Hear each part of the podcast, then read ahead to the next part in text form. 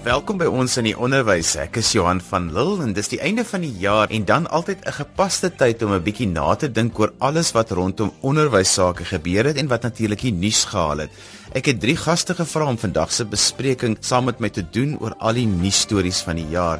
Professor Irma Elof is die dekaan van die fakulteit opvoedkunde by die Universiteit van Pretoria en professor Rika Joubert is van die departement onderwysbestuur en beleidsstudies ook van die UP.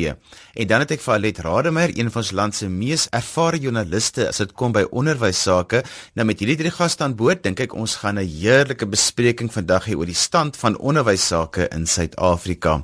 Kom ons begin sommer by jou Irma. Wat was vir jou die hoofstorie oor onderwys sake in die nuus vanjaar? Sal Johan, daar was 'n verskeie stories gewees. Die mees onlangse storie was natuurlik rondom die slaagvereistes vir matrikulante wat dit lyk asof dit gaan verander in die toekoms en dit natuurlik verwelkom in in verskeie kringe. Ehm um, dis Rika. Ek dink die slaagvereistes wat hulle nou aangekondig het alreeds vir grade 7, 8 en 9 waar hulle nou moet meer vakke slaag en waar die huistaal ook nou al 50% moet wees, dink ek gaan 'n groot impak hê. Ek dink die impak gaan wees oor die moontlikheid dat daar dan baie meer leerders is wat gaan moet herhaal. En nou behalwe die trauma vir die kinders, gaan dit ook ernstige koste implikasies dan hê vir vir die onderwys as sulks, want dan moet jy nou fasiliteite en befondsing hê en vrystel om vir leerders langer op skool te kan hou. Alet want dit is ook al die afgelope paar jaar in die nuus almekaar die kwessie rondom standaarde en veral die eindeksamenpunte. Ja, dis waar en ek stem eintlik saam met Rika en uit my gesprekke met onderwysers op grondvlak is daar eintlik baie groot kommer oor die aankondigings. Daar is op provinsiale vlak en veral op distriksvlak het ek nou al verneem, is daar groot druk op onderwysers om kinders dood eenvoudig deur te sit. Jy weet, en dit gaan net eenvoudig 'n sneeubal effek hê wat ons nou al die afgelope klompie jare sien dat kinders gaan hulle mag in elk geval net een keer in 'n graad herhaal. So wat ons gaan sien is ons gaan al hoe meer kinders kry wat uit die skoolstelsel val, veral hier na graad 10.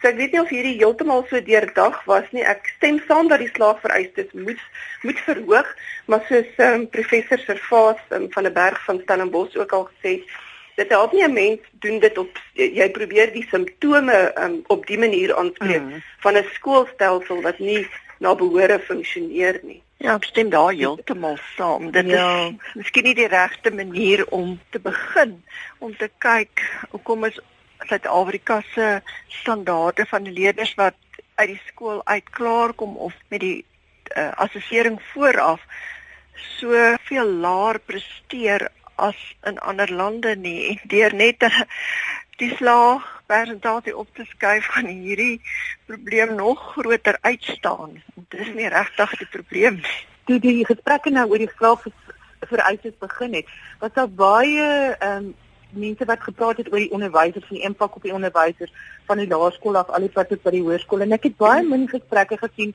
oor wat die kinders moet doen en ek dink as ons praat oor onderwys is dit belangrik as daar so iets is dat ons dis nie net die onderwysers wat moet harder werk nie, dis die kinders wat moet harder werk want dit is hulle prestasie wat ter sake is.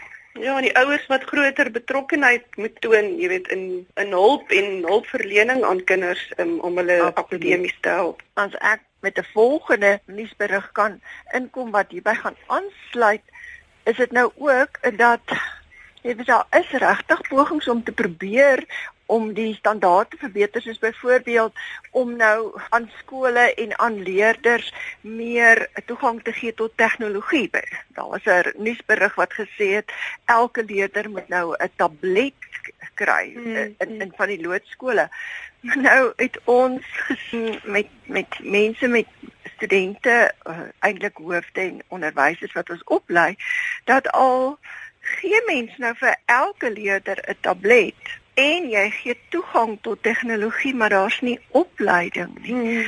En en nie net opleiding om hierdie hierdie stuk tegnologie te kan gebruik nie, maar dit te kan aanwend ter verbetering van die onderwys. Dan weet ek nie of dit ook hmm. dadelik die standaard gaan verbeter nie. So dit is o, die kinders geniet dit, maar en ja. ek kan dalk ook net daarby aansluit Rika. Ek het gesien daar's onlangs 'n navorsing gedoen en ehm um, dis self statistieke wat die departement self vrygestel het is dat net 55% van skole in die land voldoen aan die minimum standaarde vir infrastruktuur. So ek bedoel dan praat ons hier van gewone stoele en tafels en dis 7% van skole wat 'n biblioteek het en ek weet nie hoe min skole het werklik toegang tot internet nie. So dit is asof ons nou weer hierso eerste wêreld tegnologie wil in ja. terwyl ons nog hier ja. basiese vloed kan voldoen nie. Ons het nou baie uh, mense opgelei hierdie jaar en almal sit met die stuk tegnologie maar so baie moet eers geleer word net om byvoorbeeld 'n tablet te kan aanskakel. Die hele groter uh, aspek van verstaan die inhoud en verstaan waarvoor moet hierdie tegnologie gebruik word gaan nie die standaard noodwendig verbeter nie. Alet, ek wil by jou hoor wat se storie het vir jou uitgestaan vanjaar. Weet jy, dis eintlik so 'n kombinasie van stories wat almal met mekaar verband hou en meeste van dit het te doen met gedagtes of idees waarmee die departement op nasionale vlak speel om onderwysers en skoolhoofde aan allerlei toetse te onderwerp in die toekoms. Jy weet prestasiekontrakte wat hoofde teen 2019 almal moet teken en hoofde wat gekeer moet word voordat hulle aangestel word en bevoegdheidstoetse vir onderwysers en vakkennistoetse vir onderwysers en ook nasieners wat eers eksamens moet aflê voordat hulle kan matriekvraestelle nasien. Die kombinasie van al daardie dinge wat beplan word het tog al vir my 'n uh, gevoel gegee van vader as ek onderwyser was wat my sout werd was en geweet het wat ek doen en al hierdie goed word nou op my afgestoot in die toekoms terwyl ons klas sukkel om net genoeg tyd te hê om on te onderrig in die klaskamer dan weet ek nie hoe positief ek sal wees oor my werk nie. Rika, ek neem aan dit is iets waaroor jy baie gesels het. Behalwe dat jy nou hierdie toetse of eksamens of assesseringsprosesse moet deurgaan, is ek ook baie bekommerd oor die feit dat daar is was ook berigte en ek dink 'n uh, Alette Servaal van 'n bergse navorsing genoem waar hulle sê in van die armer skole is daar tot 60% van die lesse wat voorgeskryf word in die nasionale kurrikulum wat nooit hmm. plaasvind nie, ja. net 40%. Nou as jy En en dit is nie omdat die onderwysers nie noodwendig dit wil doen nie. Dit is 'n kwessie van hulle is nie baie seker hoe om dit te doen nie. Nou jy hier drie goed. jy het hierdie prestasiekontrak of hierdie toets wat jy eers moet slaag. Jy kan buitendien nie regtig die hele kurrikulum aanbied nie want daar is leemtes En nou sit jy nog met 'n tablet op. en die drie goed wil nie saam vir my saam praat nie. Hmm. Dit lyk vir my asof die taalkwessies en taalbestuur ook weer vanjaar in die nuus gaan wees en hy gaan nog 'n rukkie in die nuus bly. Ja, dit gaan. Dit is miskien meer vir een van die provinsies, maar die hoofberig afgelope weke was die LER van Gauteng Gauteng wat 'n uh, uitspraak gelewer het in sy media verklaring dat hy sê die Afrikaner skole wil nie bronne deel nie en hulle kan nie nou net meer suiwer Afrikaanse skole bly nie en hy het nou hierdie tweelingskoolplan aangekondig waar hy nou met 'n loodsprogram begin om sewe sogenaamd ryk en sogenaamd arm skole te wil saamsmelt sodat hulle die bates kan deel en dan nou nie net eksklusief een taal ja. kan aanbied. So dis ook 'n baie baie interessante uh manier om nou uh, probleme wat baie te doen het met finansies. Finansies staan vir my ook baie sterk uit. Miskien kan ek net ook ietsie byvoeg Rika, die gevoel wat ek kry van van hoofde met wie ek praat, um, jy weet, dis nie asof hulle vaskop teen die plan nie. Hulle hulle wil graag uitreik na skole wat sukkel en so aan. Maar wat die dilemma wat ons het is hierdie sogenaamde wat die LER dan nou ryk skole noem. Skole wat minder as 5% van hulle begroting se geld kry hulle deesdae van die staat af en in baie gevalle word minder as die helfte van hulle personeel nog deur die staat vergoed. So ehm um, mense begin weer die idee hier kry van die ANC se herverdelingsplan um, wat op um, mense wat jy weet innoverend optree en hulle eie goed opbou ehm um, skielik nou net moet ehm um, ingryp om te help daar waar die staat misluk om sy verantwoordelikheid na te kom. Dit is ook nogal iets wat 'n ander onderwyskundige van DSF gesê het is jy kan nie skole wat funksioneer um verplig om die staatse werk te gaan doen en in te gryp by skole wat disfunksioneel is en bly nie. Irma, want ek kry die gevoel die skole wat nou met hulle eie fondse tot op, op datum nou nogal 'n standaard kon handhaaf, hulle begin nou swaar kry. Beslis ja, beslis. Daardie skole word ook armer in die sin van dat soos wat dit al hoe moeiliker gaan met die ekonomie en met werkloosheid, betaal al hoe minder kinders in daardie skole ook skoolgeld en moet ja. hulle kwytgeskeld word. So jy het nou 'n situasie waar jy uiteindelik enkele ouers kry wat amper 'n hele skool moet dra. En hoofde sal vir jou sê daar is nie meer genoeg geld vir instandhouding nie. Skole wat eens ehm um, jy weet uitstaande infrastruktuur gehad het, word die dakke eenvoudig nie meer geverf nie. Basiese instandhouding kan nie meer gedoen word soos soos ehm um, rugbyvelde en daai tipe van goed nie. So al meer van daai basiese goed wat gedoen moet word word nou nagelaat. En soms is daar skole wat daar oënskynlik waarmee dit goed gaan, wat selfs maar in die binnekant probleme het met van ons topskole wat met voedingsskemas het vir kinders wat honger is in hulle eie skool ek ek sluit by Irma daar aan en Alet want al is 'n skole 'n kwintiel 5 skool het hulle al so geïntegreerde skole geword en dat as hulle 20% kinders het wat vrygestel is van skoolgeld is hulle juis vrygestel omdat hulle regtig dit nie kan bekostig nie. Mm. Nou met die skool, nou wat Alet sê, is behalwe die, die ander ouers hulle moet subsidieer met die skole dan presies wat jy sê inma nog vir hierdie kinders help. Hulle moet voedingsskemas daar hê, hulle moet hulle help met al die basiese dinge wat ander ouers, jy weet, hulle kinders ondersteun. So ek weet nie, dit is vir my moeilik en dan as hulle maar 3.6% eh, van die staat ontvang, maar hulle munisipale rekening alleen eet 5% van hulle begroting op, dan um, is hierdie skole moet hulle so hard werk om te kan geld bymekaar kry om net die basiese te verskaf en ook die addisionele onderwysers te betaal anders want daar is nog onderwysers toegewys aan die sogenaamde meer bevoordeelde skole nie. Nou julle kom ons beweeg 'n bietjie aan. Een van die ander stories wat netelik groot opslag gemaak het, is die voorstel oor die nuwe beleid rondom die verskaffing van leermateriaal aan skole met die een boek per vak per graad per taal, as ek dit reg het. Ja, dit is reg. Ja.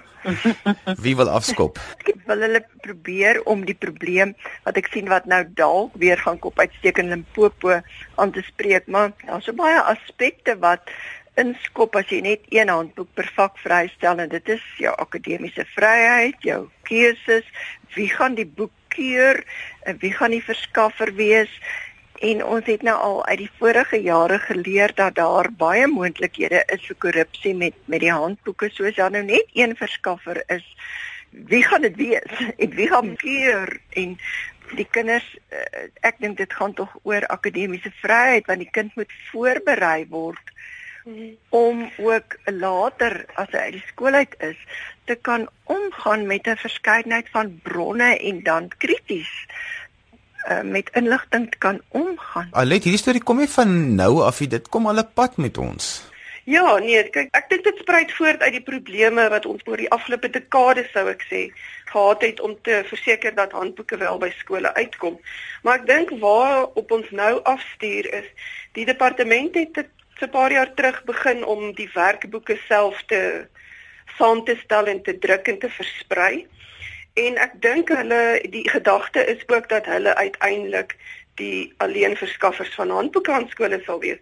Wat vir my wat ek by hierdie kan wil aansluit wat die dilemma veroorsaak dat die uitgewerbedryf van skoolhandboeke in die land um, sal dan uiteindelik tot niet gaan. Ehm um, daar ons jy weet dan mens die probleem van jou vrye markstelsel wat wat daar nie meer mededinging is nie as die departement dan nou alles wil sentraliseer nie. En die verdere probleem is natuurlik die inhoud van hierdie boek. Gaan dit nou van boeke, gaan dit nou wees ehm um, presies waarmee die departement dink elke kind in elke graad behoort toegerus te word of ehm um, jy weet die hele kwessie van inhoud ehm um, soos wat Rika praat van akademiese vryheid ook. Ehm um, en dit sal ek dink dit gaan die die opleiding en onderrig van kinders net geweldig verskraal want jy weet een kind um, het die potensiaal om dalk um, in die eerste kwartaal al deur die handboek te kon werk en as dit nou alles wat hy het om te doen dan uh, weet ek nou nie wat verder moet gebeur nie. Maar ja, ek dink die hele dilemma hou ook daarmee verband dat 'n mens ook maar net weer vir jouself van afvra. Dis dalk 'n goeie idee dat ons ten minste daarin basies wil hê elke kind in elke vak 'n handboek moet hê, maar gaan hierdie boeke by die skole uitkom? Dit is die vraag wat elke jaar gevra word. Dan natuurlik is dit 'n verkiesingsjaar gewees en in die nuus was ook dat uh, Angie Motshekga nou natuurlik nou aangaan as minister van onderwys. Ja, dit is waar daar's baie weersprekende opinies daaroor en sy is 'n publieke figuur wat nogal baie gekritiseer word. Maar op die ou einde dink ek tog die feit dat daar bietjie kongruensie is tussen die twee ehm um, termyne is dalk 'n klein bietjie voordelig want indien eh, ehm um, ons 'n nuwe minister van basiese onderwys sou gehad het sou alles basies net weer van voor af weer van voor. Ja. Ja, so ehm um, daar is ehm um, weens die feit dat sy reeds 'n eerste termyn gehad het, is daar baie dierlesse wat geleer is en wat ek kon sien in haar optrede dat daar pogings was om nie die nie daardie lesse weet weer te leer nie. So in daai opsig is dit miskien 'n klein bietjie positief ten spyte van die publieke negativiteit daaroor. Alet, jy het nou baie lank tyd eintlik basies histories gedoen rondom Angie Motshekga. Is daar enige goed wat jy dink sy nie in die nuwe termyn hopelik nie sal herhaal nie? Ek hoop hulle wil nie nog een enkele nuwe beleid instel of aankondig nie. ja. maar ek, ek kry die indruk dat ons nou by dit vir eers vir 'n rukkie verby is en ek dink wat positief is in daai sin is van jare is die eerste groep matrikulante wat ook die CAPS eksamen geskryf het of van die ja. CAPS inhoud blootgestel was wat beteken jy weet die hele van graad R tot graad 12 ehm um, weet elke onderwyser daarom nou basies wat van hom of haar in die kurrikulum verwag word en te moet onderrig. So ek dink daardie deurlopendheid gaan gaan iets positief in die onderwysstelsel meebring. Maar ja, soos wat ek sê, ek hoop van harte net dat hulle nie nog nuwe beleide ehm um, aankondig ja. wat wat onderwysers net verder gaan demotiveer nie. As jy kyk na die afgelope 20 jaar het letterlik elke minister van onderwys 'n omvattende kurrikulumitnuwingsproses ja, van stapel ja. gestuur. So ek sien saam met Aletta, is 'n gevoel van hobby net asseblief kan ons net gewoond raak aan dit wat nou op die tafel is. En ek wil bysê rondom CAPS, die gevoel was redelik positief geweest. Daar was nie ehm um, uh omvangryke wysigings in die meeste gevalle nie. Ek dink die wiskunde en wetenskap te lawe se hoërskool is miskien 'n bietjie oorlaai, maar grootendeels is dit is daar baie positiwiteit onder onderwysers rondom CAP. Ja, ek stem met dit saam. En ek dink as ons hulle as ons nou 'n bietjie stabiliteit kan kry kan 'n opmerking van my waar so baie van die onderwysers regtig eh, maar party dele van die kurrikulum uitlaat omdat hulle nie uh, dit kan onderrig nie kan dalk opgevang word want daar is baie pogings waar daar in diensopleiding is en veral in die wiskunde en die wetenskappe vakke.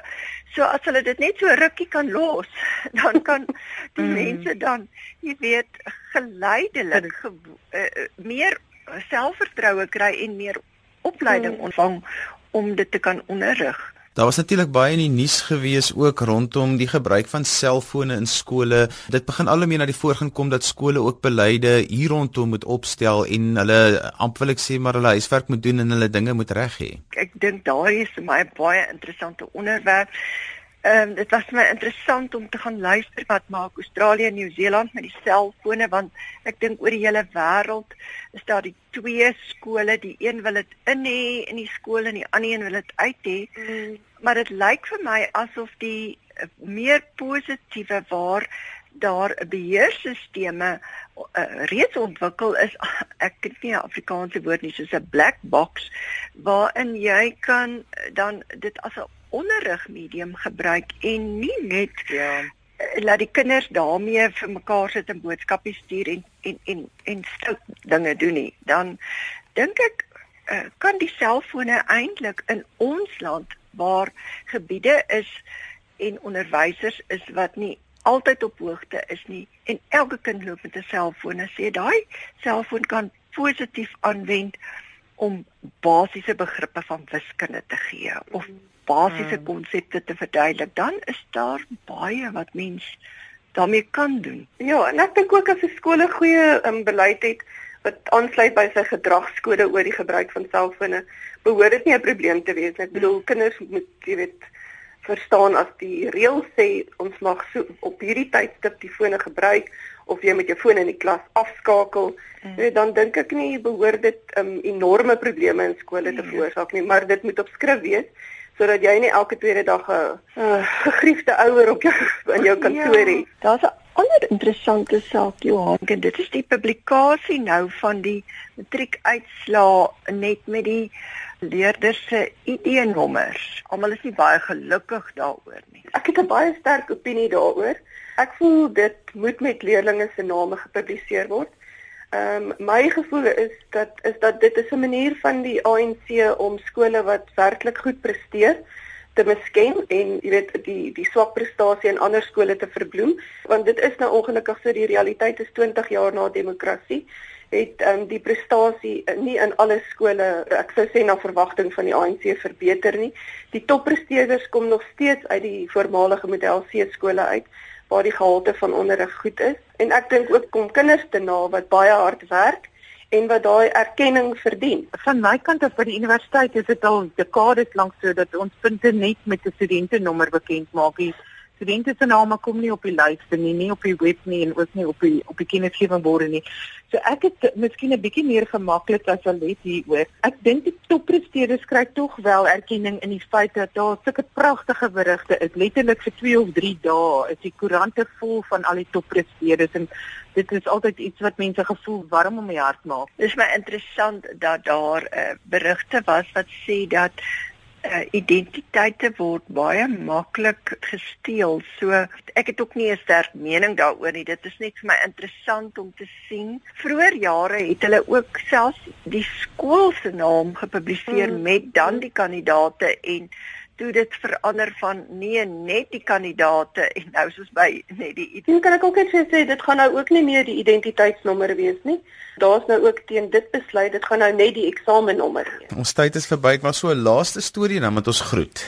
Hy laaste storie is oor hierdie uh, godsdiens in skole waar ons nou weet daar kom nou 'n baie groot hofsaak maar nou lees ek van interessantheid aan die een kant is dit jy die hofsaak en die beswaarde ouers oor godsdiens in skole en aan die ander kant het jy Ellie Erngouting wat oh, duisende Bybels by die skole uitdeel. So dis ook vir my so 'n interessante storie van aan die een kant het jy 'n hofsaak oor nee, jy kan nie die godsdiens in die skole, jy weet, bedryf nie, is die dink ek is die woord en aan die ander kant deel die LER die Bybels uit by die skole. So ja, dit is interessant. Van my kant af is dit vir my jammer dat ons soveel polarisering skep met hierdie spesifieke saak in plaas van om in 'n oop proses betrokke te raak waar almal kan gestel om versoenende oplossings te kry. Ja want dit help nie ons gaan na die extreme toe um, met hierdie saak nie. As ons almal om om dieselfde tafel gaan sit en sommige opsigte wel die Christelike waardes uitlewe en sê kom ons kyk wat wat ons kan kry wat kan werk, kan ons dalk by iets beter uitkom as as om dit via so hofsaak te doen. Miskien kan ek maar net dalk byvoeg dat Afriforum gaan die skole wat um, hof toe geneem is ondersteun hulle hofsaak. So ons ja. um, ons meen as die saak dan nou tot in die konstitusionele hof moet gaan, dan is dit die pad wat dit moet gaan. Nou ja, dis alwaar vir ons tyd het van vandag. Dankie aan my gaste, professor Irma Elof, die dekaan van die fakulteit opvoedkunde by die Universiteit van Pretoria, professor Rika Jouber van die departement onderwysbestuur en beleidsstudie by dieselfde universiteit en Alet Rademeier van Agriforum, natuurlike ervare onder ervare joernalis as dit kom by onderwys sake. Onthou jy kan weer na die program luister se potgooi, laai dit af in MP3 formaat by RSG se webwerf. Volgende week se program gaan ons 'n bietjie fokus op inspirasie vir die nuwe jaar en ons tema is gelukkige onderwyser, gelukkige leerder. Dr. Janie Leroux, bekende motiveringsspreker, gaan dan my gas wees. Skryf gerus vir my indien jy enige navrae oor die program of wil vertel van onderwys sake wat jy graag wil hê ons op hierdie program moet hanteer. My e-posadres is johan@wwd.co.za. Tot volgende week van my Johan van Lille. Totsiens.